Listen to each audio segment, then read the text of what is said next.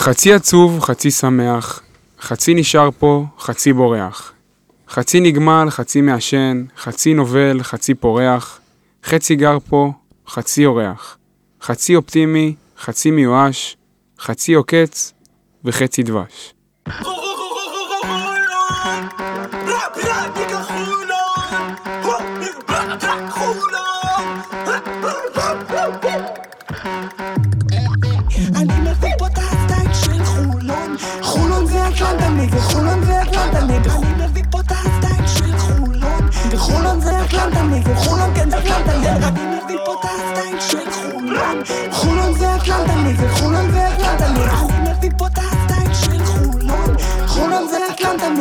כן אטלנטני יום שישי, שישה בינואר 22, שעת בוקר באולפני המקלט שבחולון, פודקאסט הכל סגול בפרק 49, שהוא פרק אקטואליה, פרק אה, ביניים, בסימן חצי. מה זה אומר?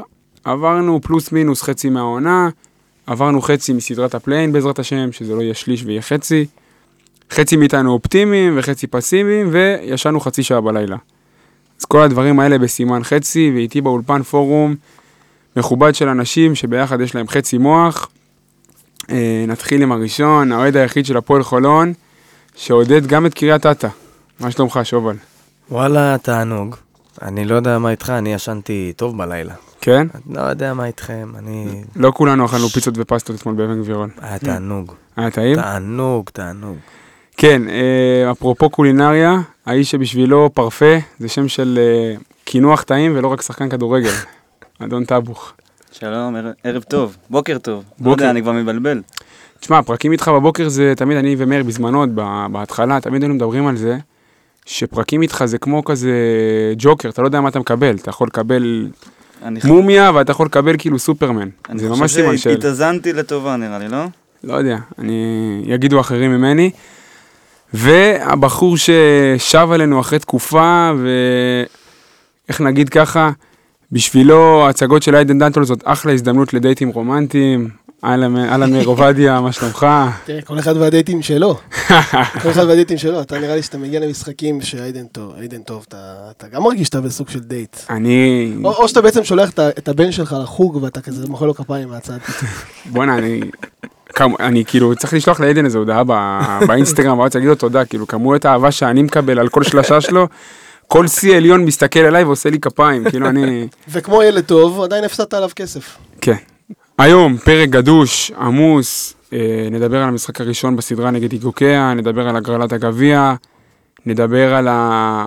באמת לדעתי האירוע המרכזי שהיה בשבועות האחרונים, שזה באמת העזיבה של ארי גרין למול החזרה של סי.ג'יי, שאלות קשות, ויכוחים, כמו שאנחנו רק יודעים, אז יאללה בוא ניתן בראש.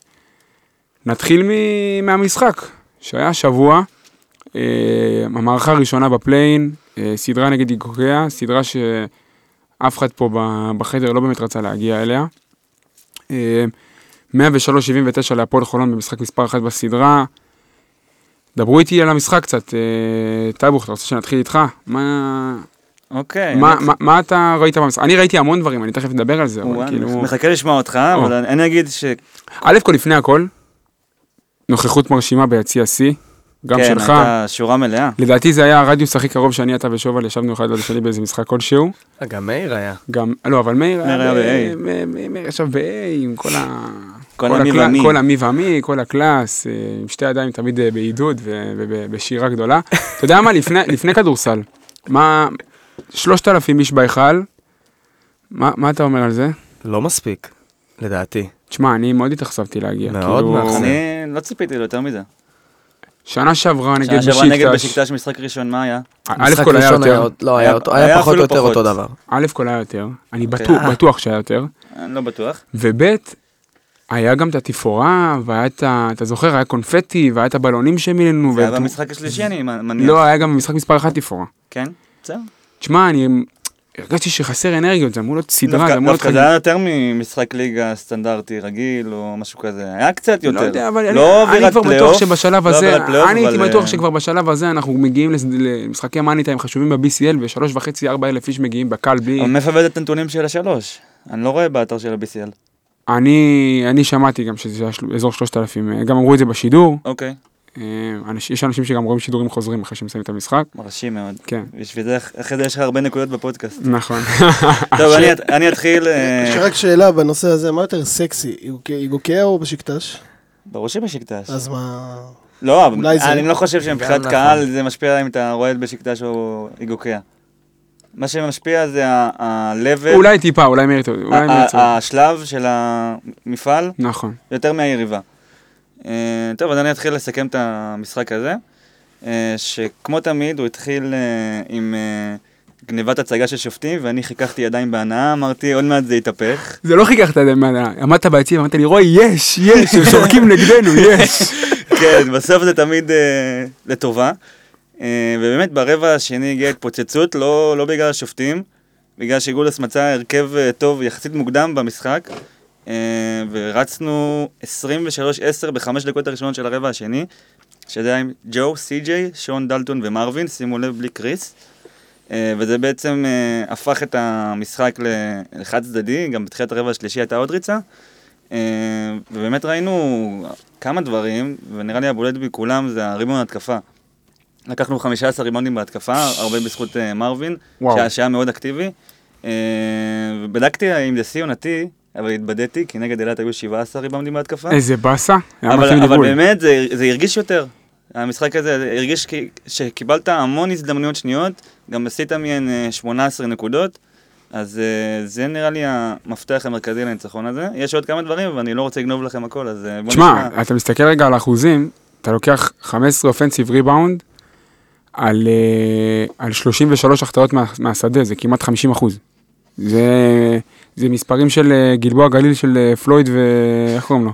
בלקשיר. ובלקשיר. אה, אני, אני הייתי בהלם, כל ריבאונד התקפה, אמרתי, מה?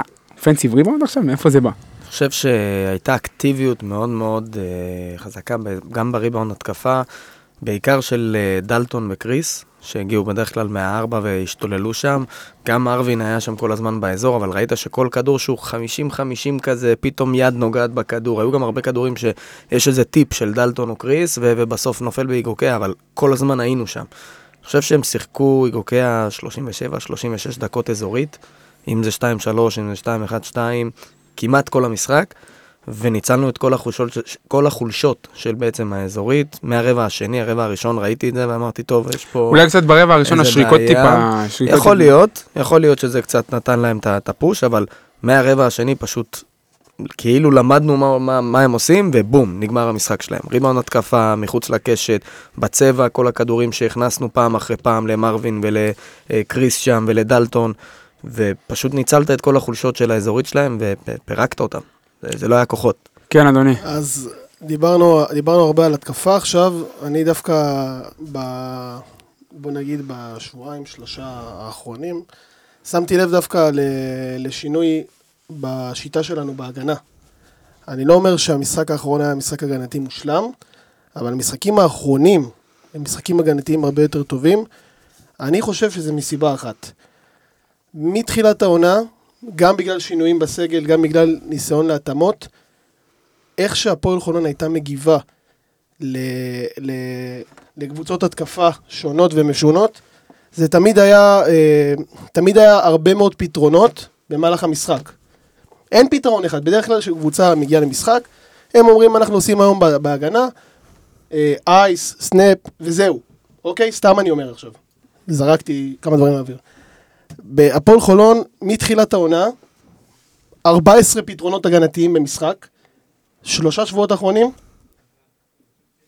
שלושה שבועות אחרונים, אה, אתה יכול לראות שכל pick and roll מהצד, הפתרון הוא ice, להוביל את הגארד ל baseline, לקו, ואמצע, זה או snap או hedge, לא עושים דברים אחרים. והם מגיעים כאילו מוכנים. זה גורם, לא, זה, קודם כל, גם, גם אז הגעת מוכן. אבל ברגע שיש המון פתרונות, ושאתה בדופק 200, ושאתה משחק הרבה, ושחקנים, בהפועל חולון משחקים הרבה, אתה מתבלבל, וההגנה נראית קצת נרפאת, ולא קצת, לא כל כך יודעת מה היא אמורה לעשות. אני חושב שהשינוי הזה שגודס עשה, והוא עשה אותו, אה, גרם לקבוצה להיות גם הרבה יותר מוכנה הגנתית, גם יותר יודעת מה היא עושה. הפועל חולון בליגה היא הקבוצה ההתקפית הכי יעילה בליגה הישראלית. אני חושב שהפכנו להיות בחודש קבוצה הגנתית מאוד יעילה. לא, אין יותר מדי פתרונות, יש דברים מאוד ברורים, יודעים מה עושים. לגבי גוקי עצמה, אה, בואו, גם צריך לומר את האמת, זה לא... לא אחת מהקבוצות לא נמוש- ה- לא נמושה, לא יודע, תראה. לא נמושה. ועוד חכה, אני מדבר על זה. בלי קנדריק ריי זה בכלל, זה היא זה קבוצה קצת מאוד לא- מוגבלת. זה קצת לא כוחות. מאוד מוגבלת. זה גם לא נכון, מאיר. בלי קנדריק זה ריי לא קצת נכון, כוחות. תסתכל על הממוצעים- שלו השנה ב-BCL, הוא שחקן רביעי-חמישי בהיררכיה שם בתרומה בהתקפה. קנדריק ריי, זוכרים אותו כיום במכבי זה תל לא- אביב? אבל- אבל איך אתה, תקשיב, תראה. לא. קודם כל, קודם כל, האיכות של השחקן, יכול להיות שהוא לא השחקן הכי לא, לא, לא, מוביל הוא שם, הכי טוב באופן שם. יחסי אבל לסגל- זה כוח אש. נכון, כשאתה משחק נכון. נגד קנדריק ריי, היית שומר שונה. אתה צודק. אבל להגיד, כמו שגם אנשים קפצו בטוויטר ואמרו, קנדריק ריי לא משחק, אז לא נשאר שם כלום, זה לא מדויק, כי הוא גם, הוא לא החזיק את הקבוצה הזאת השנה.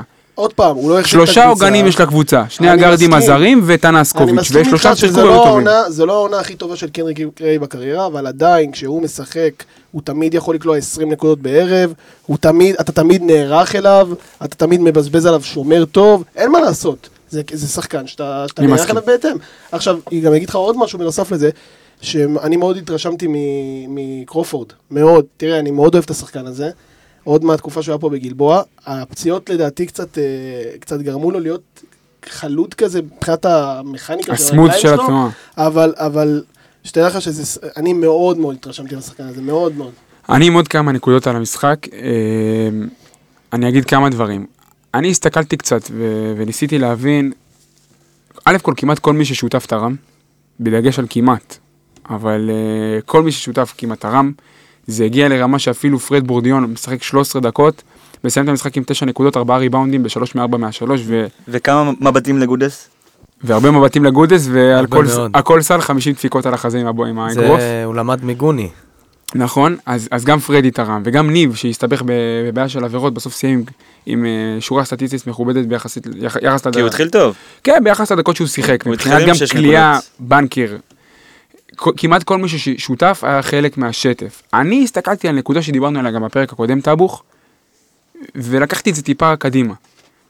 אה, א' כל איידן הוא גם אחד הסיפורים הגדולים של המשחק, אבל נדבר על זה אחר כך כי, כי נקדיש לו את הקטע שלו. דיברנו בפרק הקודם, שגם ג'ובה דיבר על זה בפרק שלפניו, על כליאה מעמדה 3-4, כמה זה קריטי בקבוצה כזאת ובסגל כזה. הלכתי לבדוק את קריס ואת דלטון, אוקיי? לנסות לראות עד כמה היכולת שלהם לקלוע מבחוץ משפיעה על הניצחונות ועל הפסדים של הפועל חולון. אוקיי. קריס ודלטון שיחקו ביחד 14 משחקים העונה. אוקיי? חלק לא נרשם פה, הוא לא נרשם פה, הוא לא נרשם שם, 14 משחקים היו ביחד על הפרקט. סבבה? אוקיי. תשעה ניצחונות, חמישה הפסדים. בניצחונות, קריס ודלטון עומדים במשותף על 37% מבחוץ. בהפסדים, 18%. עכשיו, זה לא פער שאתה יכול להגיד זה פער זניח. זה משמעותי מאוד. כשאתה רואה כשבמשחקים כמו גליל עליון, כמו גלה בחוץ, אתה מסתכל, אתה פותח את הסטטיסטיקה, את הסטטיסטיקה ואתה מגלה שלא קיבלת שום תרומה מבחוץ משני השחקנים האלה בעמדה מספר 3 ועמדה מספר 4, כל המשחק תקוע. כי זה לא כמו הכדורסל של דדה שבעמדה מספר 5, שיחק לך שחקן שאתה יודע ש- שיכול לקרוא, לקלוע מבחוץ, כמו נגיד דזהו, כמו נגיד ססטינה בזמנו. פה אנחנו מוגבלים טיפה, יותר מוגבלים בקליעה בעמדה מספר 5. אבל גם האחוזים של הגארדים יותר נמוכים בהפסדים. אז זהו, גם ביחס לכל הקבוצה, אבל הפער, הקבוצה. הפ, הפער ב, בעמדה הזאתי, לעומת הפער של כל הקבוצה ביחד, נגיד, גארדים הפסדים ניצחונות, סנטרים הפסדים ניצחונות, ופורורדים הפסדים ניצחונות, זה הפער הכי משמעותי. זה, ה- האימפקט של זה הוא, הוא, הוא הכי חשוב, לדעתי, כי זה פותח את כל המשחק. עכשיו, עוד נקודה שאני רוצה להגיד, לה- להזכיר אותה במילה, גם טאבוך אמר אותה תוך כדי משחק. אה, ג'ו קם על הצד הנכון, Hmm. ושמר, נכון. מחויבות הגנתית של ג'ו על אנטביה וולר, ראינו אותו בכמה... פלייאוף mode. כן, פתאום פלייאוף mode, ו... שבר חסימות, שם יד על זריקות. פתאום, פתאום ראית אותו קרוב חטף לשחקן שלו, כדורים. פתאום ראית אותו... לא, זה שהוא שבר חסימות עם קרופורד, כן, זה היה מרשים, הוא גם אז- סיים עם 1 מ-8 ל-3. אז, אז קרופורד, כן, קרופורד צבעים עם 1.83, זה נכון, אבל פתאום ג'ו ראית אותו אינטואט ונכנס לתוך הריתם ו- ו- ומתוך ההגנה ומסיים את המשחק 12-14 וקראתי אתמול נתונים מדהימים, הוא כאילו כבר מתקרב לרמה של מרסליניו והוא כיף בכמות האסיסטים, יש לו כבר 300 אס... ב- בשנתיים האחרונות הוא עובר אותו. ברור, אז הוא, הוא שייך ל, לרמות האלה, אה, בפריזמה של ה-BCL, הוא הרכז הכי טוב במפעל. אה, כן, כן, כן. אפשר, אפשר להגיד שכן. לפחות ברמה ההתקפית. עוד משהו לגבי המשחק, ואם אנחנו כבר מסתכלים בפריזמה של סדרה, בואו נסתכל רגע טיפה מעבר למשחק עצמו, ונסתכל גם על הסדרה. הפועל ירושלים שנה שעברה מנצחת, אני גם צייצתי את זה ישר בטוויטר, מנצחת את פרומיטי במשחק מספר אחת, אם אני לא טועה, 25 הבדל. טירוף היה שם, שלשות, אני זוכר, אני ראיתי את משחק המשחק. קצת שונה, כי מהרגע הראשון הם הסתערו עליהם, אבל אה, לא, במבחן התוצאה נגמר שם אותו במבחן דבר. התוצאה, הפועל כלו 40 ירושלים, נקודות ברבע הראשון. אני זוכר. היה שם... כן, אני- אדם אריאל עם הבאזר. כן. ברמת ה-say, הפועל ירושלים נסעה שנה שעברה לאוקראינה בביטחון שהם כאילו הולכים לעשות להם אה, סוויש ולטאטא את הסדרה החוצה. כן. זה, זה מה שקרה, ואני מאוד חושש שפה זה יקרה. עכשיו, א' כל, כשלעצמו זה יכול לקרות, וב', כמו שמאיר הזכיר, במשחק הבא צפוי לשחק קנדריק ריי, וצפוי לשחק גם מילוס אבליאביץ', שזה הגארד הנוסף שהם החתימו, הוותיק, הסרבי הווטרן, שמביא גם ניסיון יורוליג לקבוצה הזאתי. פתאום עם עוד שני גארדים שצפויים כרגע לשחק, פלוס משחק חוץ, פלוס אתה יודע שהקבוצה שלנו לפעמים באה אה, זכוכה ובאה מנותקת לרבעים ראשונים, אתה יכול למצוא את עצמך במרדף, ואז כבר הפרפל ברדס יצטרכו לארגן את הבלונים ואת הקונפטי למשחק מספר 3. ותוסיף לזה, תוסיף לזה שביום שבת יש משחק נגד הרצליה, ובשעה 4 או 5 בבוקר, אם אני זוכר נכון, הם יוצאים, אה, הקבוצה יוצאת... אה, אה, בשבת? בטיסה, לא, בראשון, ביום ב- ראשון. בראשון לפנות בוקר יוצאים לטיסה. בין ראשון לשני? המסע, זה מסע מאוד מאוד ארוך, הם צריכים לנחות בזאגרב, משם לקחת טיסה לבוסניה, ואז עוד 6 שעות נסיעה ל- לאזור שם של איגוקיה, אם זה, אם זה אזור, אני לא... לא זה סיפור. מחוז בתוך... מחוז. אה, שזה גם מאוד מאוד משפיע, המשחק שם בשעה מאוד מוקדמת, שש וחצי, זה מלא עייפות, זה יכול מאוד להיות שזה ייראה ככה. אני לא חושב שזה הפתעה אם נפסיד שם. לא חושב בכלל. אבל אה, אסור- אתה אבל זה לא מכניס אמור- את המסע. וטוב, ריגוקי אנחנו יודעים שזה לא הרמה שלהם באמת, אה, היינו כמה רמות מעליהם, הם קבוצה יותר טובה ממה שהם שיחקו כאן ביום רביעי. זה לא תהיה הפתעה אם נפסיד את המשחק שם. זאת אומרת, מאוד ריאלי שנגיע למשחק מספר 3. מאוד מאוד ריאלי. אה, בואו כולנו נקווה שנצא ונעשה את העבודה. עוד משהו, עוד איזה הערות שרציתם אה, להגיד על המשחק? נראה לי הגיע הזמן ל-Welcome back. יפה. אה, יש לנו שתיים היום. מי- שתי וולקאמים. אה, גם... אה, הוא היה קיים לפני זה? אני לא חושב. בוא נראה. אז בוא נדבר עליו רגע. אני... עכשיו אנחנו נכנסים על אה, פריזמה של המהלך שקרה בקו האחורי, וזה כמובן סי.ג'יי ארס, שהוא כמובן גם סיפור, אה, סיפור מאוד גדול. אז סי.ג'יי חוזר. אה, א' כל רשמים כלליים שלכם מה, מהקאמבק, אני אתן רק את הנתונים, שני משחקים, באר שבע יגוקע, בבאר שבע 16 נקודות, 4 מ-5 ל-3, שלושה ריבאונדים, שלושה אסיסטים, מדד 18, נגד איגוקיה 11 נקודות ב-2 מ-5 ל-3, שלושה ריבאונדים ושבעה אסיסטים, מדד 15. לא היה לי זמן לבדוק מתי פעם אחרונה שחקן של הפועל חולון בשנתיים האחרונות שהוא לא ג'ו רגלנד מסר שבעה אסיסטים ומעלה במשחק. לדעתי, תחושת בטן לא קרה. לאריגן היו משחקים עם שישה אסיסטים. נכון? שבעה, בגלל זה אמרתי שבעה, כי נכון. ידעתי שתתקיע אותי. מעצבן. אה, אבל אה, כן. לא- לא זוכר מתי זה קרה. טבוך, מה, אתה מבסוט? אה, בינתיים זה נראה טוב, כי כל הקבוצה ביחד איתו נראית הרבה יותר שיתופית. אמנם זה עדיין מרגיש שהוא עוד רחוק מ-100% כשירות, כי במיוחד בחדירה לסל זה לא אותו דבר כמו שהיה בקדנציה הקודמת עדיין. אני מקווה שהוא אולי עם חזרה לכושר, אה, הוא גם נראה אותו יותר מגיע לטבעת, אבל אה, ברמת הכלייה הוא שם, ברמת הניהול משחק. הוא אמנם איבד כמה כדורים, אבל אתה רואה שהוא מביא דברים, אם מנתחים את זה בהשוואה לגרין, שגרין לא הביא, אה, ובינתיים זה נראה טוב. תראה, ב- בהשוואה לגרין, הם שני שחקנים שונים לגמרי. גרין הוא סקורר אדיר, הוא יכול לעשות סל בהרבה מאוד דרכים, הכל בסדר, אבל כשאתה לוקח את סי.ג'יי ואתה אומר, הוא גם יכול לקלוע כמעט מכל טווח, והחדירה עוד תשתפר, כמו שטבוך אומר, עם הכושר, עם הזמן, זה עוד יבוא לו. כל ויהיה- תזוזה- כל- כל תנועה חדשה שלו, אני... הלב שלי. ברצפה. גם הוא מפחיד כנראה ככה שהוא- חושב. ש- מפחיד שהוא חזר קצת מוקדם. לא יודע אה, אם לא זה יודע אם זה מוקדם, אבל... לכאורה. אה, מאיפה אתה יודע אם זה מוקדם? כי ברגע שארי גרין עזב פתאום הוא חוזר, אז זה לא, נראה אבל- קצת... אה, אבל זה לא נכון. אה, זה שלושה חודשים כן, הוא פה כבר. חודש, אבל. מתי הוא חזר לאימונים? אז מה אם אמרו- שלושה חודשים הבחנה? אני, ממה שאפילו פרסמו לדעתי, וגם אתה רואה לפי ה story של השחקן, הוא פה כבר מתחילת דצמבר. הוא פה. הוא פה ומתאמן. מתי הוא חזר לאימונים הוא עם פה הגן? ומתאמן, הוא לא בא... אני- אני לא יודע. הוא לא אבל- בא לעשות פדלים בלפארק, לא, להתאמן. מעניין אותי מה קורה אילו אריק גרין עדיין אה, אה, היה נשאר פה, אם הוא היה חוזר כבר למשחק. ליגה אני חושב נגד... שהוא חוזר בכל מקרה. אוקיי. אה, אז כמו שאמרנו, הוא שחקן שונה לגמרי, הוא גם שומר יותר טוב, באחד על אחד, בהגנה האישית, הוא שומר יותר טוב מאריק גרין, גם יש לו יותר size, הוא יותר גדול ממנו, הוא יכול לשמור קצת על שחקנים יותר גבוהים. גרין היה אבל זה לא שם, מאוד בעייתי. זה לא עכשיו שומר, תגיד... אה, לא- זה לא קריס לא ג'ונסון, ההבדל. זה לא קריס ג'ונסון, אבל זה שומר יותר טוב מאריק גרין. לא, לא בטוח בכלל, אבל... אה, אני לא חושב ש...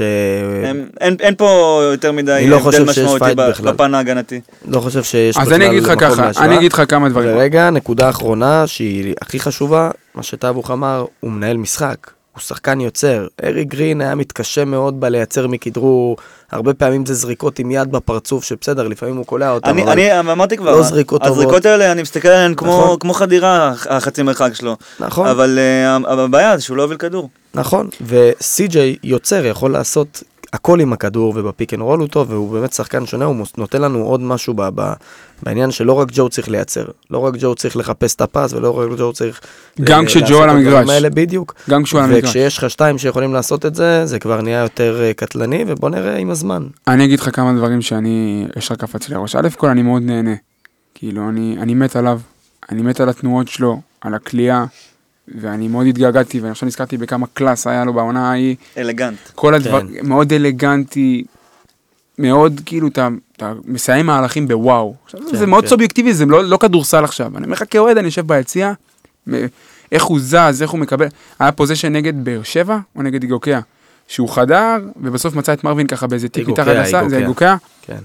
אתה מסיים, אומר, אוקיי, יש פה שחקן עם, עם, עם אינטליגנציית משחק גבוהה. זה, זה, זה קודם כל תחושה שלי סובייקטיבית כאוהד. כמו שטאבוך אמר, אני גם ראיתי, נראה עדיין קצת מהוסס בחדירה. אבל, אבל, א' כל, קבלת החלטות הרבה יותר טובה בהתקפה, ואני חושב גם שאתה תראה את שאר השחקנים משתפרים, לא בהכרח כי סי.ג'יי יעשה אותם טובים, אלא מה, מהטעם הפשוט שהלך שחקן שלקח 20 זריקות במשחק, ובא שחקן שלוקח 10-12 זריקות במשחק, וחושב מסירה. וחושב מסירה, ו- ו- וגם התפנו זריקות, וגם כדור, הכדור זז יותר. 33 אסיסטים נגד איגוקיה. גודס אז- גם הזכיר את זה במסיבת עיתונאים. נכון, גודס אמר את זה בצורה ברורה. ועוד איזה משהו קטן, שזה אומנם רק ההתחלה, אני לא רוצה לצאת בהצהרות, אבל זה רק ההתחלה, כי הוא באמת חזר רק שני משחקים. הוא מתאים את עצמו לאירוע. סטפנוס דדאס ב- בקבוצה היה נותן לסי.ג'יי הוראה, תחזיק את הכדור אצלך 14 שניות בהתקפה.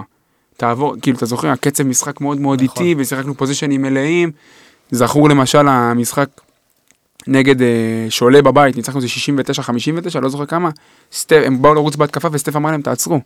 ופה פתאום אתה רואה, גם במשחק נגד איגוקיה, את סי.ג'יי רק במשחק, רץ במשחק המעבר, היה את השלושה שלו בפינה שהוא קיבל את הכדור מדוסון. פתאום אתה רואה אותו יותר מחויב למשחק המעבר, כי זה, כי זה מה שהמאמן כרגע רוצה. אז, אז גם התאמות סגנוניות הוא עושה, ולדעתי אני חושב ש...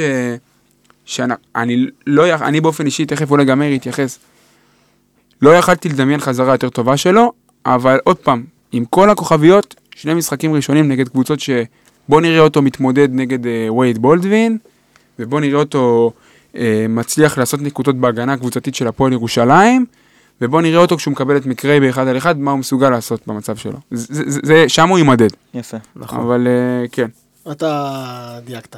ממש. אין- אין מה לעשות. נכון. יפה. מה יוני, אני- אני אני לא אוהב את ההרמוניה הזאת, צריכים להתחיל לריב. מגעיל לי פה, ממש. אבל אה, בוא, בוא, בוא רגע לגבי, מזה, ש, מזה שהגיע לזה שהלך, אה, ארי גרין. עכשיו אני אגיד לך מה, אני באתי לפרק ב- ב- במוד ידידותי, אבל יש לי בטן מלאה שם. גם על השחקן עצמו, אולי הרוב זה על השחקן עצמו, וגם על כל איך שהאירוע הזה התנהל. אז אה, בוא, אתה רוצה שנעשה רגע סדר של הדברים. מבחינתנו כאוהדים, אה, אנחנו מגיעים לסוף ספטמבר בידיעה שארי גרין, יש לו חוזה עד ה-28 לחודש. יודעים את זה, כולם. זה פורסם, חתמנו שלושה חודשים, זה נתון שכולם, אף אחד לא, אף אחד לא חולק. הולכים ומתקרבים, ומתקרבים, ומפסידים באוסטנד, ויודעים שאנחנו הולכים ל play-in, ויודעים שיש שחקן שחוזר מסביב, והולכים, וה-28 הולך ומתקרב, והולך ומתקרב יום אחרי יום אחרי יום אחרי יום, ודום שתיקה. גם של המועדון, גם של השחקן, גם של התקשורת, לא שומעים כלום. נשאר, הולך, עוזב, מקליטים פרק בסוף דצמבר, אפילו אנחנו חשבנו, אולי הוא יישאר לינואר, כלום, אפס, אפס ידיעה, אפס. לא יודעים כלום. עכשיו, אתה בא ואומר, יכול להיות שיש משא ומתן? מנהלים, מנהלים משא ומתן, מדברים, אוקיי, לא. שמענו את זה בתקשורת, הבנ- כן, בדיווחים, אה, אבל גם זה, תוך כדי משחקים, אבל רק שם, לא מעבר. מגיעים להפועל חיפה, משחקים את המשחק, הוא עולה בריאיון אחרי משחק, אומר, אני עוד לא יודע. אריק גרין אומר, "שמע, אני מאוד, אני מקווה להישאר פה, מחר בבוקר נדע. עולה מאמן הקבוצה גיא גודיאס, אומר, אני לא יודע. אבל הוא מסיים את החוזה עכשיו, עוד שעתיים. 12 בלילה, 4 דקות אחרי 12, 12 ו-4 דקות, בום, רשמית בודדשנוסט, הלך. אה, אה, מה, אה, איפה?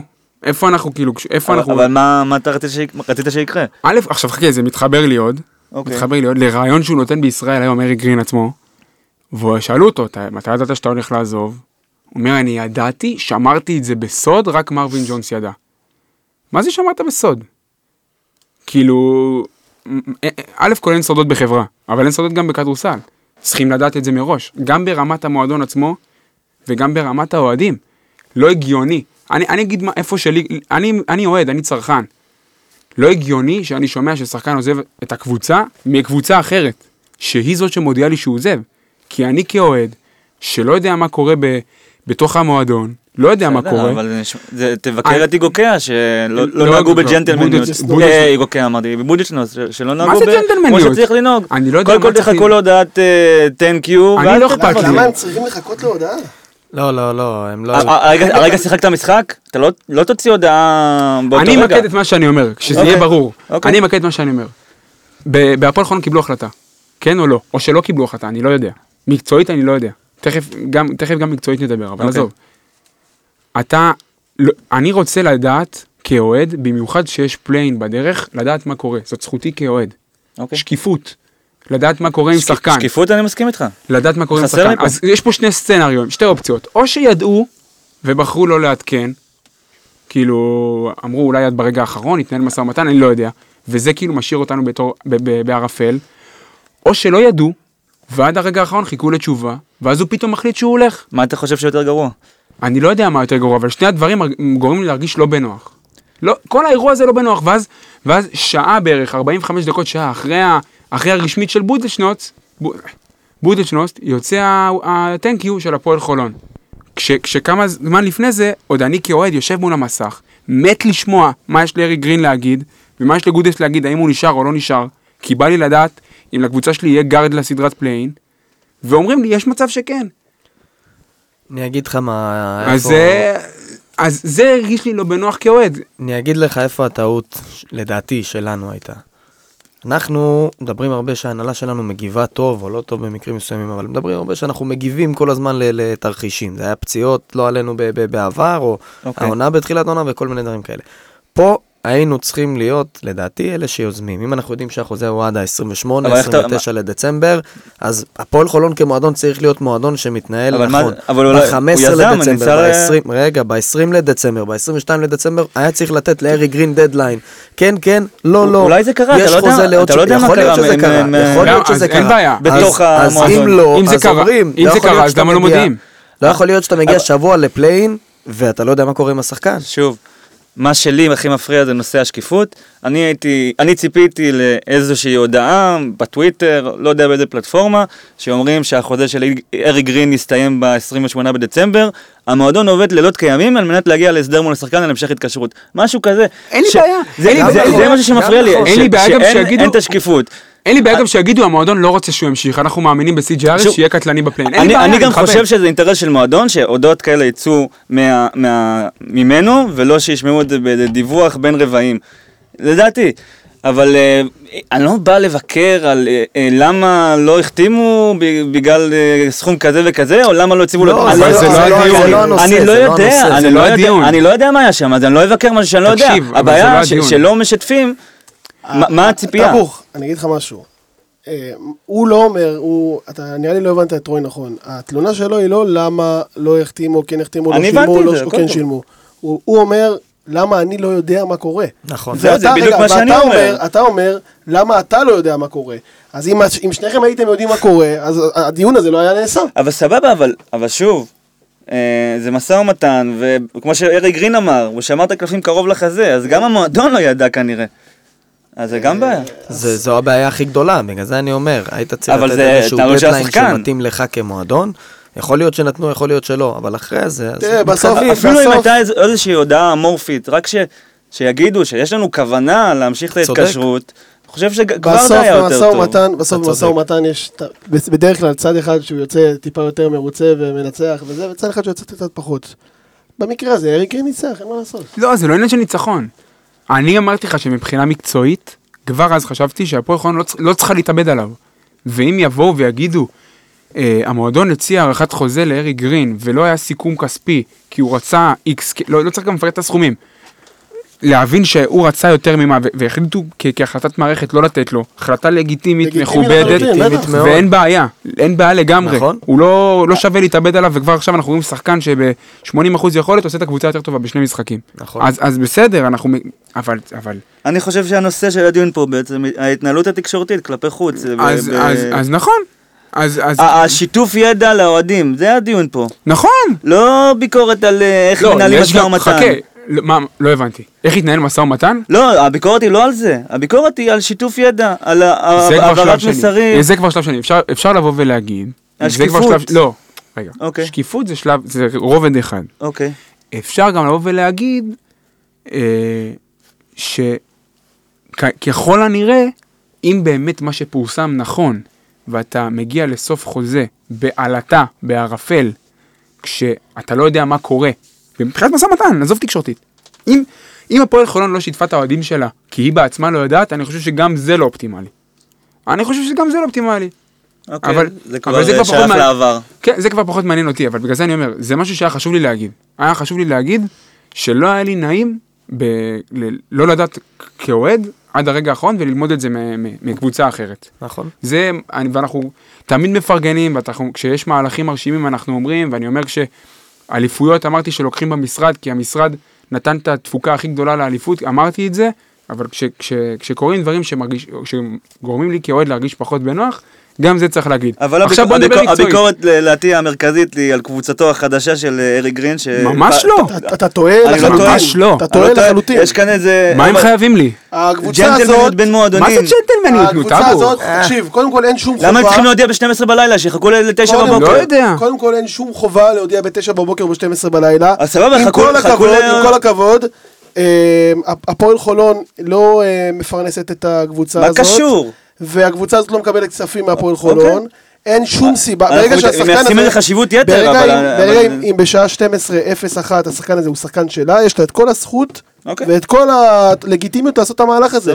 היא לא צריכה להתחשב בזה לא שהקבוצה. השנייה לא עשתה שום דבר. אה, התייחסנו לזה בחשיבות יתר, ובואו לא, נתקדם זה, הלאה. זה לא חשיבות, כי זה חשוב. בעיניי זה חשוב, אתה חושב שזה לא חשוב. חשוב עכשיו אתה עכשיו אתה חושב... זה אתה באמת יותר מדי בטוויטר, רועי. וואו. אתה עסקן. ממש. אז אני, אם זה חשוב, אם זה קשור לעסקנות טוויטר מבחינתך, אז אנחנו בפערים. כי אני חושב שזה... תחשוב על זה. אני חושב שזה תקשורת בין מועדון לבין אוהדים, בלי קשור לטוויטר ולא בסדר, טוויטר. אני- אז אתה אני- מסכים איתי על אני זה. אם מסכים היית איתך, קם- אבל- אם היית קם בשעה שבע בבוקר ולא מחכה עד שעה 12 בלילה, לא היית שם לב מי פרסם קודם. היית פשוט מבין. אה, זה חלק מהזה, אבל מבחינה מקצועית, עוד פעם, בוא נעשה רגע closure לכל הדיון הזה. אה, א' כל, עד כמה אתם צופים שהעזיבה של אריק, כאילו ברמת נזק ארוך טווח מקצועי לקבוצה, אה, איבדנו משהו, ואם איבדנו, האם צריך לחפש בחוץ להשלים, ומה, ומה, ומה צריך? תראה, אמרנו כבר שאריק וסי.ג'יי שחקנים מאוד מאוד שונים. אריק גרין זה מפלצת התקפית scorer ברמות שלא היו פה. הוא מסוגל במשחקים הכי זוועתיים בעולם לסיים בדו ספרתי הכי גבוה שיש, נושק ל-20. וההשפעה שלו על הקבוצה היא... היא... אי אפשר, אי אפשר כאילו לה- להעריך אותה אל מול ההשפעה של אה, סי.ג'יי, בגלל שסי.ג'יי הוא שחקן שמשפיע על שחקנים אחרים גם, כמו שאמר, כמו שנאמר פה כבר, ואריק גרין הוא שחקן... אריק שהוא- הוא יצור עצמאי בתוך הקבוצה. אריק גרין זה נכון. שחקן שאתה מביא לקבוצה שלך, ואתה אומר לו, תקשיב, דיו. אני רוצה שתביא לי כל משחק 20 נקודות, לך הביתה. נכון. זה מה שאני רוצה הוא שתעשה. עושה את זה. נכון? סי.ג'יי, והוא עושה את זה. סי.ג'יי אריס זה שחקן שאתה מצפה ממנו לעוד דברים. זה שחקן שגם חותך את ההגנה דרך הדירה. זה שחקן שמייצר לאחרים, שיכול להוריד את אה, מלאכת ניהול המשחק מג'ו ומיניב. זה שחקן שאתה נעזר בה בעוד מאוד עוד דברים בהתקפה. נכון. מה שקורה, כנראה שסי.ג'י אריס לא יסיים עם ממוצעים של ארי גרין. יש כאן, יכול להיות שהחלל הזה יתמלא בשחקנים אחרים שכן יתעוררו, כמו שקרו... אין- אין. ואקום בכדורסל. אין ואקום. אז יכול להיות שזה יקרה כמו שזה קרה. ייתכן שיהיה. ברמה, ב, ב, ברמה האישית, אני עדיין חושב שחסר איזשהו... אמ, אני לא רוצה להגיד גארד, כי זה לא בהכרח גארד, אבל משהו בעמדה של, של שון, באמצע בין העמדה של שון לפרדי, חסר לי שחקן שם שיכול לשחק בכמה עמדות, 1 עד 3 כזה, לא 1 עד 3, 2, 3 כזה. קם טיילור. שם קוד אה, שם ג'לן קוד, רצון. ג'יילן רצון, בדיוק. משהו ב... משהו ב... ב- קיירי ב- תומאס, מה ב- מצבו? במימדים האלה, משהו במימדים האלה שמסוגל אה, להקשיח קצת את ההגנה ולייצר נקודות. לא עכשיו ברמה של אה, ארי גרין, ממש לא, אבל שחקן שכן יכול להקשיח את ההגנה וגם לייצר אה, נקודות מ- מ- מחוץ לקשת, מחדירה, מפוסט-אפ, עוד, עוד, אה, עוד איזשהו פתרון התקפי. כי כמו שאמרנו, שחקנו עד עכשיו אה, אה, קריית אתא. אה, איגוקיה, מה עוד היה? מה? הפועל- חיפה, באר שבע. באר שבע, עם כל הכבוד לקבוצות האלה, ויש הרבה כבוד, אני חושב שהפועל חיפה ברמה שלי חושב שקבוצה מאוד טובה. אה, זה עדיין לא הפועל תל אביב, זה לא מכבי תל אביב, נכון. זה לא הפועל ירושלים, וזה בטח לא... זה גם לא מה שיהיה בטופ 16, וזה לא בעזרת השם. וזה לא הקבוצות שיהיו בטופ 16.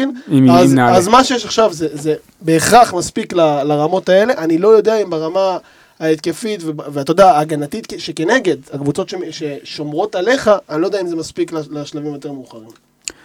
טוב, אה, אני פשוט אה, נרגע מה- מהעקיצה של טאבוך, אבל אני צריך להתקדם בפרק. אחי, אתה, רגע, אני חייב להגיד משהו. אתם הושבתם אותי פה לידו, אני באתי עם מכנס אה, מאוד מאוד רגיל, והוא עם הקורדורי המפורסם שלו, שהוא בא, בא איתו, מגיע איתו לקפה גן סיפור, וכל הגבות מורמות. אני, אני חש לא בנוח פה, אני חייב לה, רק לעדכן, אני חש לא בנוח. לא, גם תראה את הפוזה וזהו, טוב. נפנצ'ר אותו בהמשך הפרק. טוב, בוא נמשיך. לגבי ענייני דיומא בסגל, מי שעולה, מי שיורד, כמה נקודות משמעותיות, שגם עליהן נתווכח, גם נראה לי, יש לי ויכוח אני להתקרב עם אני טאבוך. מת על הארמית שלך. כן? כן. אני אין מה לעשות, זה חלק מהמקצוע. אה, ג'אווין דלוריה, אה, רשמים, מסקנות, עוד פעם, עוד פעם, small sample size, חמישה משחקים ראשונים, אבל עדיין. פתאום אה, משחק בחמישייה, אני אתן ממוצעים יבשים, 18 דקות למשחק בחמש הופעות, 6.6 נקודות, ב-74% מהשדה, אה, 5.6 ריבאונדים, אה, כמעט טאבוך, שני אסיסטים למשחק, חטיפה. אה, מה, מה המסקנות שאתה מגבש בשלב הזה? גם מאזן 4-1, אה, שזה גם אה, איזה כיף אולי לזכותו. אה, הוא קודם כל מוסיף מימד שהיה חסר לקבוצה הזאת, היה חסר קשיחות, היה חסר הגנה, היה חסר ריבאונד. כל הדברים האלה הוא מביא. אה, במשחק האחרון נניח, סתם לדוגמה, אה, לא במשחק האחרון, במשחק נגד הפועל חיפה. אה, הוא נכנס למהלכים הגנתיים, ב- היה משחק צמוד, הוא נכנס לחילופי הגנה התקפה, אחלה- להגנה. אחלה ערב מחוץ לקשת היה לו. כן, היה מאוד מרשים. אה, הוא נכנס למהלכים הגנתיים, שזה כבר איזשהו סוג של יתרון שהוא מוסיף לקבוצה הזאתי. אה, הוא הוא החליף את ג'ו. פתאום בחמישיות עם אה, ניב באחד, קריס בשלוש ודלוריה בחמש, אתה אומר שיש לקבוצה למכור כן. מה למכור בהגנה. נכון? נכון. אה, אם נתמקד בהגנה גרידה. אה, שוב, הוא, הוא, הוא לא מושלם בהגנה. אם הוא שומר על גרדים, הוא לוקח צעד אחורה והוא חטף אה, לא פעם שלשה על הראש. אבל ב- ביחס לקודמו אין, אין פה השוואה. אה, לא, והגנת צבע שלו הרבה יותר טובה מהגנת הגנת perimeter. צבע שלו הוא, הוא שומר יפה על ה... הוא, הוא לא חוסם את ה... הוא לא עכשיו יביא לך בלוקים יותר מדי, למרות שהיה לו בלוק מאוד מרשים נגיד אוקוקיה ואחרי זה דנק קצת שני, אבל הוא מספיק שהוא מרים את הידיים הוא משנה זריקות. נכון. אה, אבל כמעט כל משחק יש לו את היציאה העמוקה מדי ב help and recover, תמיד כשיש בעיית אה, עבירות אה, קבוצתית ותמיד הוא שולח אנשים לקו. זה חלק מהניסיון. זה. חלק מהניסיון, אין ספק, אבל אה, רמת מחויבות שלו גבוהה. הוא מנוסה בלהיות role player, נכון. והוא עושה, הוא לא עושה דברים שהוא לא יודע. אני ממש נהנה ממנו. ממש, אני- ממש, אני ממש אקטיבי. גם בהגנה, גם בהתקפה. בהתקפה גם דיברנו על זה פרק קודם, הבן אדם בא לחסום שלוש-ארבע פעמים בהתקפה. אין דבר כזה שאתה נתקע. הוא בא עוד פעם ועוד פעם ועוד פעם, והוא יזוז כל הזמן. זה נראה שהוא כזה מת, ממש אוהב לשחק כדורסל, והוא כאילו... כמו קאג'י, פעם- כמו קאג'י. כן. והוא כאילו כל פעם שהוא על המגרש, הוא אומר, אני עכשיו אין, אני חייב להיות בעניינים. אני עכשיו אעשה שבע חסימות ל- לג'ו או לסי.ג'יי, ואני עכשיו אתפוצץ בהגנה, והוא תמיד גונב לך גם איזה כדור שתיים חטיפה ל- לחצי פתאום. תענוג עד עכשיו, ממש כיף אני לראות אותו. אני- אבל אין. ספק שהוא מוגבל התקפית. כן, זה ברור, אבל... לא- אה, מוגבל התקפית וקלט הסל הכי מטורף שנקלע פה בליגה. לא. אני הייתי ביציע מאחורי הזריקה, ואתה רואה את הכדור פשוט מסתובב כמו הזה בהארי פוטר, אני לא לא מומחה גדול של הארי קווידיץ', פוטר. זה היה, וואו. אה, טוב, אני אחתום עליו את הדיון, אני אגיד בסך הכל, אה, לדעתי, בין, כאילו, כבינגו, גם ברמת פרופיל, גם ברמת ה... בעיקר ברמת פרופיל. בעיקר ברמת בעיקר. פרופיל. כן. כאילו, בעיקר. גבוה שיודע שהוא יהיה גבוה שניים וחצי, שלוש, בר...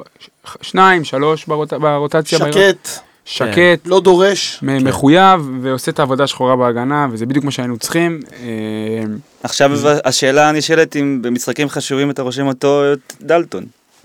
אה, עשית follow-up? לסגמנט הבא, נו, מה אתה אומר? עכשיו, רציתי להגיד ל- לאוריה פה ב control, להעלות לי מהפרק הקודם את, ה... את האמירה שלך, מה עם ה unicorn, מה תגובתך? אז הנה, עכשיו אני אגיד לך, אה, עכשיו אני מחזיר לך, הכל ברור. מה- יש לך אני, להגיד? אני לא ידעתי שההורים באים, אני... בן אדם ילד של אימא, וזה כנראה משהו ב- במתכונים. למרות שבחולון בלבאו, היא באה אחרי איזה 200 שנה שהוא לא ראה אותה, הוא פתח את הדלת והיה כזה, היי אמא, מה קורה? אה, עדיין הוא יש לו אופי אולי אשכנזי. הייתה לו מישהי בחדר בדיוק, או משהו. לא היה לו נעים. כן, אדוני. אני? מה אני מה אני קשור לדלטון? אז מי קשור? אתה, אתה הסוכן. אני חושב שמה שראינו בשני משחקים האחרונים זה בדיוק מה שדמיינו בקיץ, שהוא חותם פה. ש- היו לו עוד- משחקים כאלה העונה, היה לו כן, נס לא. ציונה זכור. הוא לא, הוא לא יהיה ברמה הזאת, כאילו, כל משחק. Consistently. הוא צריך למצוא את היציבות, כי אם הוא יהיה כל כך נורא כמו שהוא היה במשחקים לפני זה, בשני משחקים לפני זה, שישה. ואם הוא... שישה. בוא- בוא נדייק. לא- אם הוא יהיה כזה נורא, אז אין מה לעשות איתו. הוא לא יהיה כזה טוב. הוא צריך למצוא את הבלנס, להיות שם באמצע. כשהוא קולע מחוץ לקשת, המשחק שלו נפתח לגמרי, ואתה רואה את הגיוון שלו, הוא, הגיוון שלו אדיר, הוא מוסיף לך כל כך הרבה אני ממדים שמח שהוא טוב. שהוא, שהוא, שהוא עשה את המשחקים האלה כדי שלא יעלה בכלל בראש של מישהו לחתוך אותו, כי הוא חשוב. בוא נראה מה... בוא בוא נשמע מה גודס אה, חשב על המשחק הזה, שלו. אני אגיד לך איך אני רואה את ההבדל, כי שאלתם אותו כמה שאלות ודיברתם בעיקר רק על הקליעה משלוש. ואני חושב שמבחינתי לפחות, אה, זה לא האישו של המשחק. אה, מה שיש לו, יש לו, ועם זה הוא הגיע לאן שהוא הגיע. אני חושב שההבדל של שני המשחקים האחרונים זה האגרסיביות שלו, האקטיביות שלו, האופנסיב ריבאונד, הדיפנסיב ריבאונד. הוא היה נמצא בכל מקום, הרגשת אותו בכל מקום, וזה היה ההבדל, אני חושב.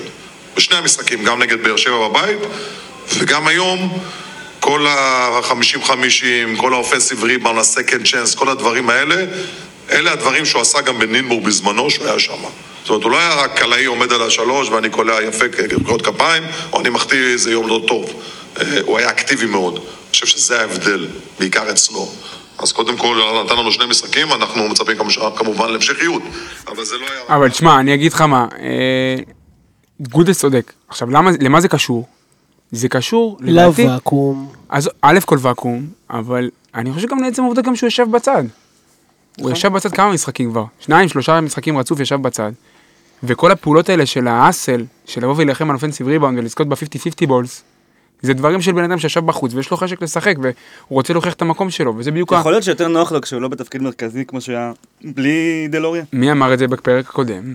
אתה אמרת? תודה רבה. אה, הרול הזה שהוא אמור להיות הגבוה, המשלים, האקסטרה הזה שמגיע פתאום נכון. ונותן את ההשלשה, ונותן את האקטיביות, זה- זה זה המקום הנכון בשבילו.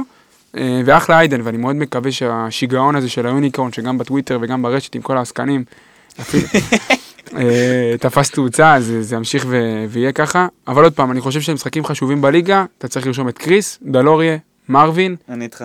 ושני גארדים. כאילו, עם- עם ה... עם כל האהבה. עם כל האהבה. אה, אפרופו מרווין, אה, בוא, בוא נדבר טיפה עליו.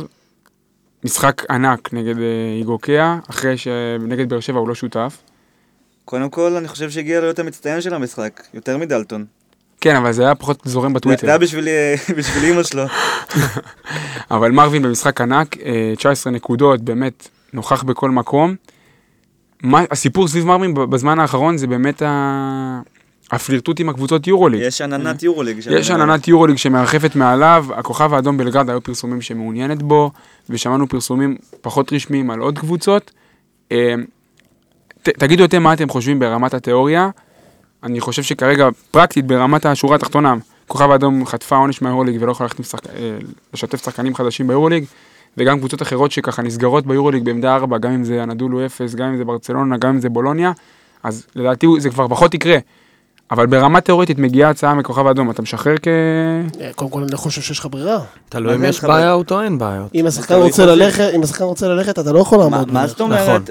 נכון. הכל תלוי אם יש לו סעיף יציאה בחוזה. ברור. לא, לא, אני למה אני- ברור? אתה יודע מה- אני איך- אפילו לא איך מדבר, לא, אני אפילו אני לא לא הגעתי אומר- להסכם. אני לא מסכים איתך.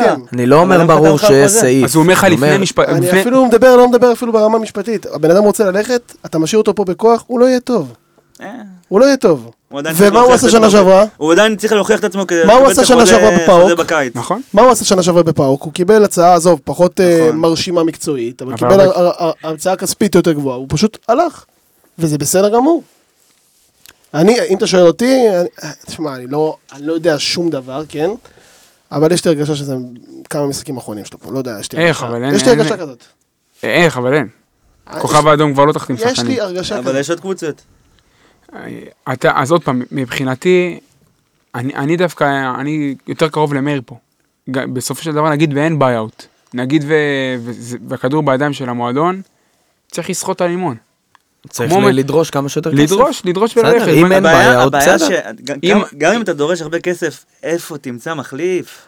בעמדה הזאת. כן, אבל אני אזכיר לך כמה זמן חיפשת. מחליף זה מזכיר. לי מה שהאקסית שלי אמרה לי שהיא זרקה אותי לפני כמה שנים, אתה מדהים, אבל לכל אחד יש מחליף. בעמדת הסנטר, לא משנה. בעמדת הסנטר, כן, אני לא מספר יש לך עוד משהו סנטרים חדש. בעולם. אני לא מספר לך משהו חדש, שזה לא פשוט. יש עוד סנטרים בעולם, הוא סנטר ברור מעולה. שיש עוד סנטרים, אבל בחודש ינואר, לא רק שהוא מעולה, אני חושב שהוא הסנטר הכי טוב שהיה פה בעשור האחרון. יש לך דנסטון, אבל בסדר. בעשור האחרון דנסטון, דנסטון לא, 2013 לפני. נראה לי, לא? לא משנה. לא משנה, לא בשורה אחת קריטי. עם דנסטון. מאז דנסטון, בוא נגיד לא, ככה. ג- גם ב- בשניים, שלושה משחקים האחרונים, מאז שדלורי הגיע, אתה רואה שהוא גם מבקש כדור, לוקח את כן, הכדור על, על כן, האותיות, זה עושה, עושה נקודות, לא רק. לא רק מחכה לאליופים ולא מחכה להזדמנויות שיגיעו מ- מהרכזים, הוא דורש את הכדור, זה משהו שראינו אני- בתחילת עונה, ואז הוא קצת אה, דעך, ועכשיו חזר לזה. אני רוצה להגיד משהו, אבל האמת שלא חשבתי לפני שאני אומר את זה, אני פשוט אומר את זה, ואם, אה, ואם אני טועה, אז אני טועה. אני חושב שהוא הגבוה הכי חכם בליגה בפער משמעותי וקיצוני מכולם. אני חושב שהוא הכי גבוה, הגבוה הכי חכם שיש. ה- בליגה. היכולת מסירה שלו, עזוב, עזוב, הוא. קורא את המשחק. אני מת עליו, הוא באמת. קורא את המשחק, הוא לכן- יודע מה צריך לעשות. נכון. לכן, לכן, אם תבוא הצעה מקבוצה עשירה יותר, שיכולה להכניס לקופת המועדון כסף, מה אכפת לי, בתור אוהד, מה אכפת לי מכסף לקופת המועדון? לא, זה כל אחד-. אני מדבר איתך עכשיו נטו בתור אוהד, זה לא, לא נשמע לי אה, פתרון לגיטימי לחשוב על, אה, על, רק על כסף, צריך לחשוב גם מקצועית. אבל תהיה ריאלי, אם שחקן לא טוב, ואתה רוצה לשחרר אותו, אז זה מותר? ויש לו הסכם? זה מותר? זה גם... כן. משלמים זה פיצוי, זה אין גם מה לעשות, פיצוי. זה בסוף נגמר בפיצוי. אוקיי. אין מה לעשות, זה לכאן לא, אבל, ולכאן. אבל רוי, רוי לפעמים מסתכל על הדברים האלה, נכנס לקופת מועדון כסף, וזה זה כבר אה, כשלעצמו... לא, אני מסכים נכון. איתך, אני מסכים אה, איתך. אה, בוא, נו, כאילו, אני מסכים איתך. המהלך החשוב. ככה אני רואה את הדברים. זה לא אני המהלך- מסכים איתך, אבל, אני מסכים- אתה, אתה, מהכסף הזה לא בהכרח יגיע מחליף ראוי. זה לא אמור לעניין אותך, אני מסכים איתך. לא אמור לעניין אותך. בתור אוהד, אבל אני עכשיו בסוף- בפריזמה של אני אוהד, יודע, לא בפריזמה אבל של, גורם בהנהלה. אבל לא בסוף, עסקן טוויטר. כמו שבא לפה שחקן, שחותם לעונה או לשתי עונות, והוא לא טוב, ומשחררים אותו, תמורת אה, סכום מסוים שסוגרים איתו על זה, ככה שחקן שטוב ורוצה להתקדם, אתה לא יכול לעצור אותו. תגיד לי, מה אנחנו עשינו עם אה, דלוריה? הוא היה שחקן של קבוצה, היה לו בעיה, הכל נתן, עכשיו. אנחנו לא יודעים אם יש לו בעיות בחוזה, אין זאת לו בעיות הפירמידה, בחוזה. לעשות. בסוף, אנחנו לפני- כדורסל- מעלינו, בדיוק. סבבה. לפני כדורסל אבל- יש business. אבל לא להתייחס ל buyout של איקס כסף כהישג גדול. זה לא הישג, אבל זה, אתה צריך פה לסחוט את זה כמה שאתה פה יכול. אנחנו חלוקים, אבל בסדר. פה אנחנו לא, חלוקים. הוא- למה, אתה רואה את זה כהישג? זה לא הישג. תקבל buyout של 80 אני אלף דולר? חושב שב... א' כל, א' כל אני חושב שזה ראוי שזה יהיה יותר, אבל אני חושב שבעולם הכדורסל, כש, שלהוציא buyout על שחקן זה אירוע כזה נדיר, להצליח לעשות אקזיט על שחקן, שלכל מי שיושב פה בחדר, עכשיו אתה מגזים. כל מי בגלל ש- לא, זה אני לא, לא. עצבני, לא בגלל הרעיון. תקשיב, בגלל. המחשבה שזה כל הישג. מי, כל מי שיושב פה בחדר יודע שבראשון ליולי מרווין ג'ונס לא פה. נכון? או לא? כנראה. אז מה?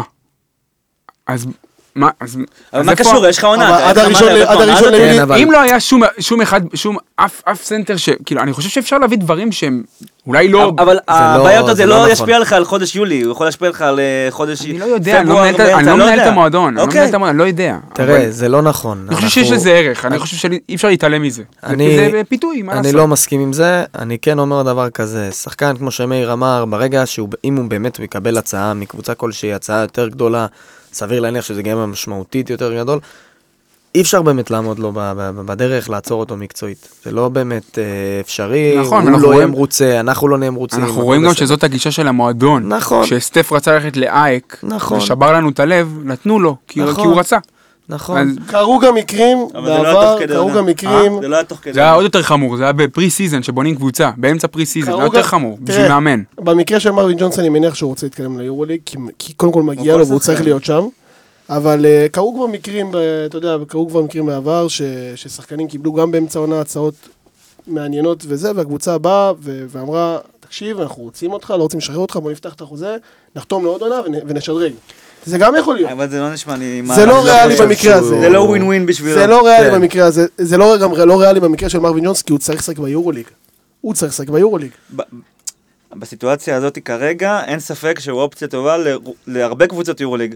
בקיץ אני לא בטוח שהוא יקבל את ההצעה. הזאת, ויכול. בגלל זה עוד יותר. עוד יותר חשוב לו עכשיו למצות את ההזדמנות. זה מחזיר אותי דווקא לעונה של אה, אייזאה מיילס, שהוא היה פה באמת אדיר. הוא היה אדיר, ואני אני הייתי בטוח, וגם טאבוך היה בטוח שהוא יהיה ביורוליג. לא, לא, לא, לא בטוח. אתה היית בטוח שהוא יהיה אוקיי, ביורוליג. לא- אני לא זוכר, לא, אנחנו דיברנו על זה הרבה, ובסוף הוא מצא את עצמו בפרומיטאס, ואז... אה, אייק, אייק זה היה? עכשיו אייק. לא, אז. הוא היה בפרומיטאס. כן, לא, אבל אז- מסכן, הוא קרע מיניסקוס. אבל הוא חתם בקיץ לפני שהוא קרע. לא- הוא לא היה טוב שם. נכון. זה, אז עוד פעם, זה ברור שאי אפשר לדעת מה יהיה, אבל אה, אם שחקן, עוד פעם, תראה מה עודד קטש עשה אז בירושלים. אתה מקבל הצעה נכון. ליורוליג, אין פה יותר מדי שאלות. תשמע, וזה עוד אה, סימן שצריך לשווק את ג'ו כמחולל קסמים לסנטרים. נכון. עוד, תגיד, הקפצתם לי איזה נקודה, איזה שחקן מהקבוצה של דדס בעונה ההיא באמת התקדם? מבחינה חוזית, אה, מגי. אה, מבחינת כסף. מגיע עדיין באותה רמה? כאילו, ב- ברמת לא הקבוצות. חושב. לא, ברמת הקבוצות. ווילי בן וורקמן. אדם חתם ב... אחי, חוזית התקדם. אם בן אתה אדם עושה... חתם ביפן או בסין, איפה שזה לא היה, על סין. 600, 550 לא, אבל זה היה אחרי שהוא היה. פה. איפה... בסופו של דבר, הוא הגיע. ל... איפה... תשמע, הזוי, עכשיו לא, נופל לי אף אחד. לא אף אחד לא התקדם, מהקבוצה של אה, דדס. כאילו, או שאתה פה, או שנשארת פה כמו קריס. לא, אבל כלכלית התקדמו. עזוב כסף. יצא שחקני יורוליג מהקבוצה ההיא. לא, לא. גם הייתה קבוצה יחסית מבוגרת. כן, זה לא, גם נכון, אף שחקן שם נכון. לא עשה את ה step-up. טוב, מעניין. בוא נתקדם. אה, טאבוך, אתה הכנסת נושא מאוד מעניין ל lineup לדעתי, אה, ואנחנו וואו. ככה בישורת האחרונה של הפרק, אז אפשר ככה להתייחס אליו. אני מתעייף כבר, אבל השוק הישראלי, אין לי כוח, אבל כי... איזה גלגול עיניים, אתם לא ראיתם את זה. למה זה כן מעניין עכשיו? כי באמת שתי קבוצות... אה, זה, וואו, זה, זה הפתעות עצומות, מה, שק... מה שקרה השבוע זה משהו שלא תסביר. לא מובן מאליו ולא צפוי. הרצליה פתאום מ-nowhere החתימה את גייב לוין. די, הוא מתחנן לחזור כבר שנה, שנתיים, הוא מתחנן- בכל קבוצה הוא רוצה לחזור. עדיין, כמו- אותו דבר כמו עדיין, ריצ'י האוול. עדיין. אה, אם הוא כשיר זה, זה חיזוק משמעותי לכל קבוצת ליגת על. אה, והפועל ירושלים עם המהלך של נועם יעקב, שגם זה לא... אף אחד לא ציפה עד לפני שבוע-שבועיים אבל- שזה בכלל ריאלי. כמה הוא כבר יוכל לתרום שם? אני לא יודע, אבל בשבילם, שהם נואשים לגארד ישראלי, קודם כל, רמת נוע... הזעקה לגארד ישראלי, כן. זה, זה היה מפתיע, כי הרבה קבוצות פשוט היו אומרות, טוב, נפצע לנו, אין מחליף, נוותר. והם הלכו על כל, בכל הכוח על נועם יעקב, הוא הגיע בהשאלה, הוא שחקן בן 18, אה, הוא היה שיחק בקבוצת המילואים של וילרבן. אה, ואז מה אתה שואל? ב- ואז אני שואל, שואל, האם אנחנו יכולים לעשות גם קסמים כאלה? אפילו לחשוב מחוץ לקופסה כמו עם אה, נועם יעקב, ש, שלא יודעים מה, לק, מה מקבלים, אה, או איזה שחקן שהיה פה פעם מתאזרח כמו גייב לוין, האמת, אני לא יודע מה להגיד לכם. תשמע, פשוט... אני, אני, נניח אני מסתכל על הליגה הלאומית, אנחנו יודעים שאנחנו נואשים לשחקן גבוה. דניאל קופרברג הוא לא טוב השנה, בכלל. אבל הסיטואציה שהוא נמצא בה, עכשיו גם כשהביאו לו את ריצ'רד דאבל על הראש במכבי חיפה, אני חושב שזה שחקן ששווה להרים, להגיד לו, במצב שלך עדיף לך לקבל עוד הזדמנות בליגת העל, מאשר להירקב ככה במכבי חיפה. הוא, הוא בסיטואציה נוראית, ואתה צריך סנטר, שעד לפני כמה שנים חשבו שהוא יהיה הסנטר הבא של ישראל, ברמת הרומן סורקין של היום. אולי שווה לתת לו עוד הזדמנות, אפילו שיחמם את הספסל, אבל צריכים עוד איזה גבוה ישראלי, אולי תעשה פה איזה אקזיט. כמה דקות הוא ישחק אם הוא יחתום פה? אני לא יודע, הוא זה לא תלוי בו. אבל, בו. לא לא, זו לא השאלה, אתה טועה. אתה יודע למה אתה טועה?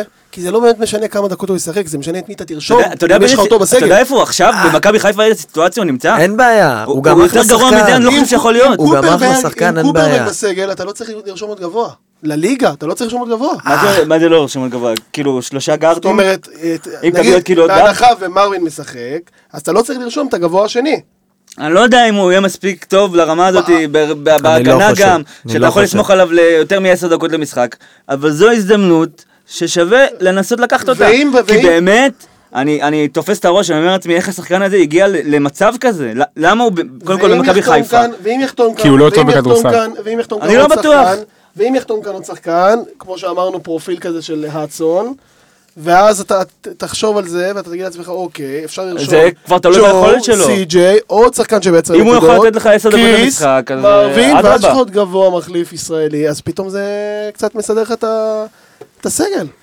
טוב, אני לא רואה סיטואציה אני רוצה שגם לדבר- אם הוא מגיע איכשהו, עדיין ברמת. הניסיון, מבחינה עלות, זה לא נראה לי עלות אה, מטורפת, וזה משהו ששווה אולי אה, לנסות את הצ'אנס, את ההזדמנות הזאת. רוצה- ודרך אגב, בעניין של דניאל קופרברג, זאת תהיה ההזדמנות האחרונה שלו. בדיוק. זאת תהיה ההזדמנות האחרונה שלו. עזוב, קופר, אני, אני בהלם שבפודקאסט הכל סגור שרפו שלוש דקות נטו און אר על דניאל מה אתה קופרברג. בהלם? אין לנו גבוה ישראלי. אז עזוב, אני רוצה... גבוה ישראלי זה מצרך נדיר. נכון, אבל אני רוצה רגע לתת משהו שהוא קצת אה, דעה לא נעימה, דעה לא נעימה. עכשיו אנחנו במהלך העונה פרסמנו גם פוסטים בנושא ועסקנו בנושא של שון דוסון פעם אחר פעם, פעם אחר פעם, ואני גם פרסמתי דרך הכל סגול גרף שמראה שהוא אה, השתפר בחודש דצמבר ועלה במדד, ו- ו- ואנחנו ניסינו ל- ל- ל- להיתפס לאיזושהי מגמת עלייה והשתלבות, ואז פתאום אה, מגיע המשחק נגד איגוקיה וגם נגד באר שבע וגם משחקים לפני זה,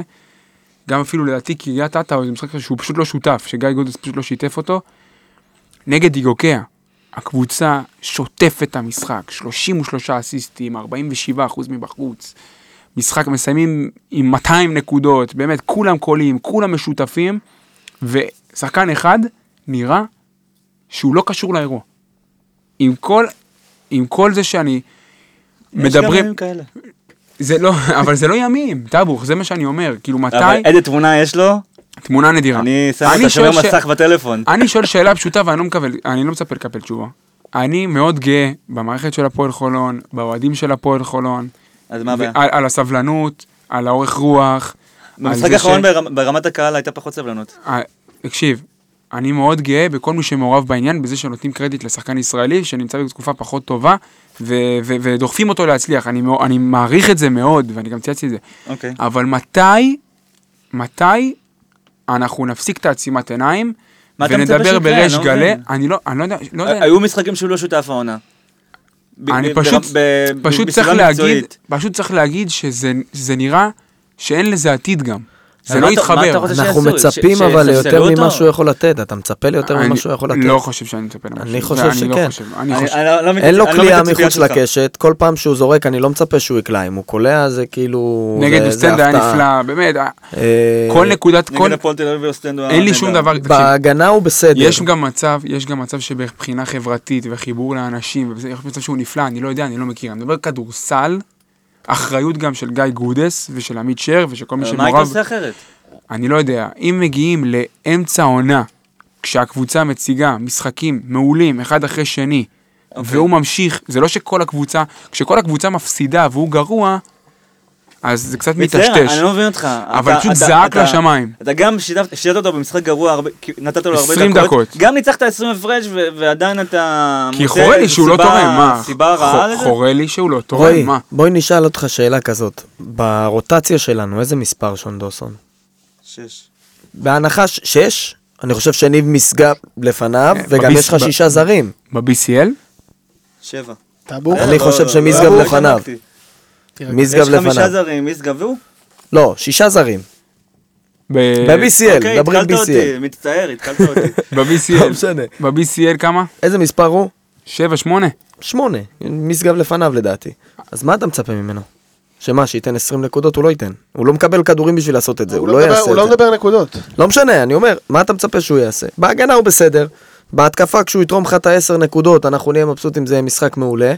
הוא יתרום כל, כל משחק 6, אני- 8, אני לא- 4, הוא לא יתרום לא יותר. הבנתי את מהות הדיון הזה. אני, הוא לא יתרום מה, יותר. אין, אין מהות. לא, אני רוצה להציף נקודה. אתה מצפה יותר אני, מדי. אני רוצה להציף נקודה, אני מרגיש שזה סוג של טאבו. אוקיי, הוא הוא מאכזב בחלק ו- מהמשחקים, חלק גדול של המשחקים.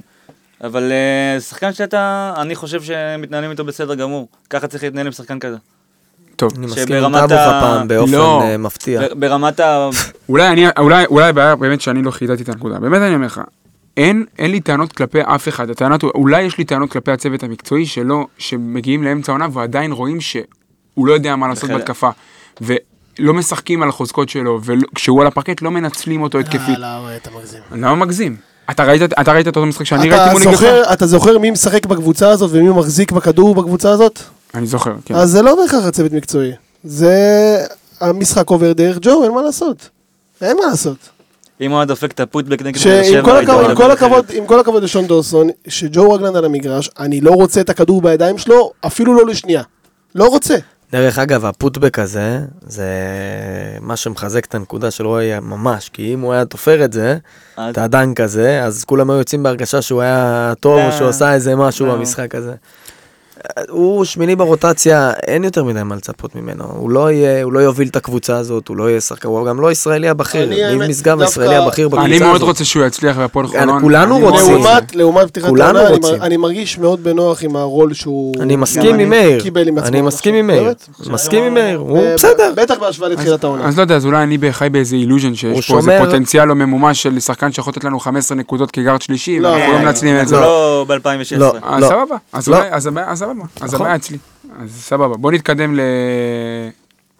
להמשך הלו"ז, טאבוך.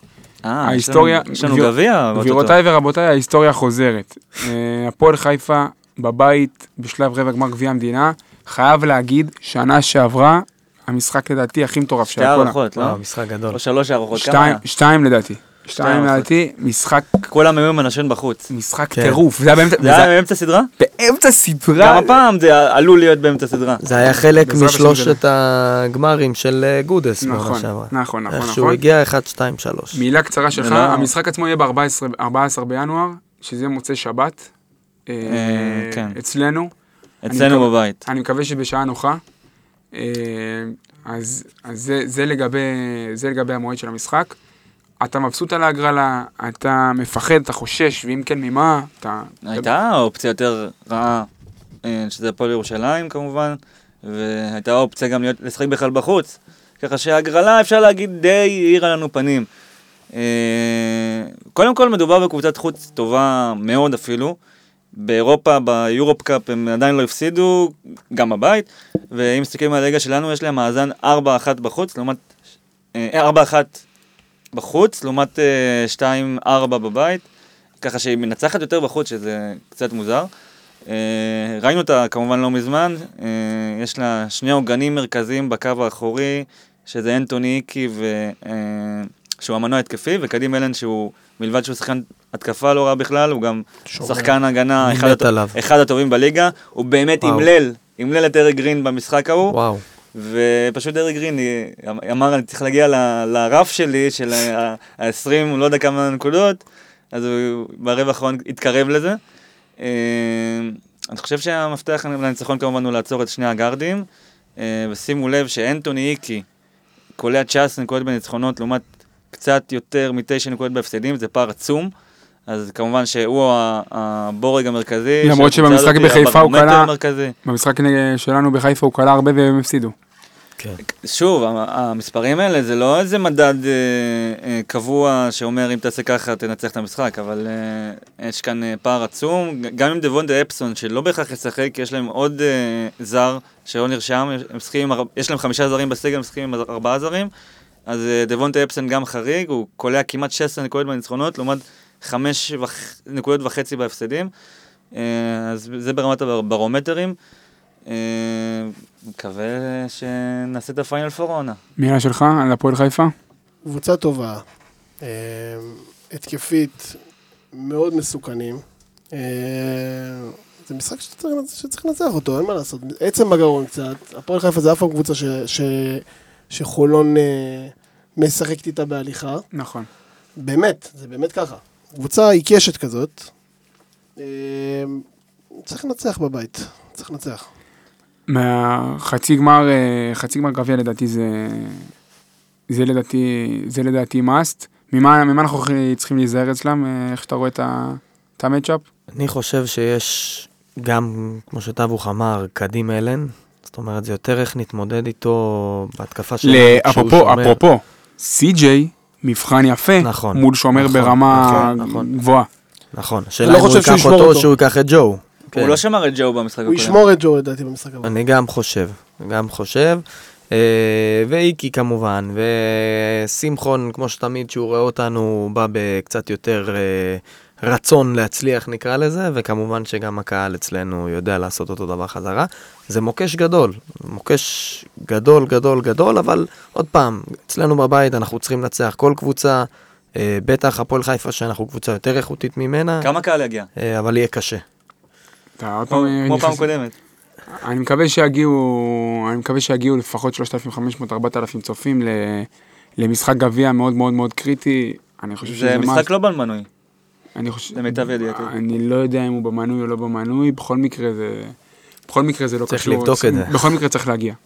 כן. אה, ברור. זה לא, לא חושב שיש לזה קשר. אה, טוב, ממשיכים לכיוון הרצליה, נח? שבת, מה שחשוב זה מי נח. כולם, כולם. לא, אבל מי לא נרשם? קריס? לא, לא חושב. למה לא? אני לא חושב שקריס ינוח. אתה חושב שקריס ינוח?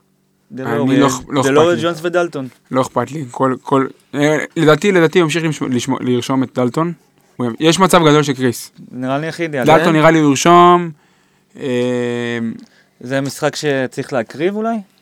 לא עניין של להקריב, לא לבוא בראש ממות של להפסיד, לא, אבל לא, כאילו, לא, אני. נלחם. ברמה של אה, רישום. אם אתה לא. רושם את קריס, זה... על קטגוריות על להקריב. אם גיא גודס לא ירשום את קריס ג'ונסון ונפסיד, לא לא יקרה כלום. לא אבוא בטענות לאף אחד. בדיוק. כמו. שדיברנו בפרק הקודם על גליל עליון, יש להפסיד, ואפשר נכון. להפסיד, בטח שאתה ב- ב- במהלך של אבל סדרה. זה גם משחק בית, זה משחק לא, בית. בסדר גמור, אתה, יש להפסיד, להפסיד, הכל בסדר. אם הם יבואו ויהיו במשחק עד הרגע האחרון ויפסידו בסוף בחמש, שש, שבע, עשר נקודות, מה לעשות, קורה, כל קבוצה מפסידה. אבל יש לבוא ולהקריב ולהיראות כמו שנראינו נגד גליל. וראית איך זה פגע בך בהמשך. נכון. תשמע, זה לא פוגע, אבל יש גם לא, זה לעלות, זה לא פגע? לעלות רמה אחת במועדון. ואז לא הפסדת. אה, גליל עליון? זה היה לפני אוסטנד, מה יש לך? לא, ברור. שזה היה לפני, זה היה אוסטנד. לפני, ברור שזה היה לפני אוסטנד, ברור. אוקיי. מה קורה- לך? אנחנו המשכנו, את גליל עליון לתוך הרבע הראשון באוסטנד. זאת הייתה הטענה. יש גם לעלות קצת הרמה, ובסדר, ולבוא ולהתחרות כמו שצריך בכל משחק. נפסיד, נפסיד, הכל בסדר, אבל להתחרות ולהיות שם, חייבים. בטח בבית. טוב, אז זה אה, בחוץ. טוב, אז אנחנו ב... מה אם- בחוץ? אם היה-. מה משחק חוץ? נגד הרצליה. אה, הרצליה בחוץ? כן. אז בחוץ. אם היה עוד. גארד, אז לא הייתי רושם את ג'ו. אה, טוב, אז אוהדי הפועל חולון נכנסים לחודש באמת משמעותי, ממשיכים את סדרת הפליי נגד איגוקיה, גביע, אנחנו ממשיכים בסושיאל, באינסטגרם, בפייסבוק, בטלגרם, בטוויטר אה, וגם כאן בפרקים. אז בהצלחה לחולוניה בכל האתגרים, ויאללה סגול עולה. חולון זה הסטייל, חולון זה דיבור, חולון זה שרמוטה וואלה אני מכור. חולון זה הסטייל, חולון זה דיבור, חולון זה שרמוטה וואלה אני מכור. חולון זה אטלנטני וחולון זה של חולון זה אטלנטני וחולון כן. אטלנטני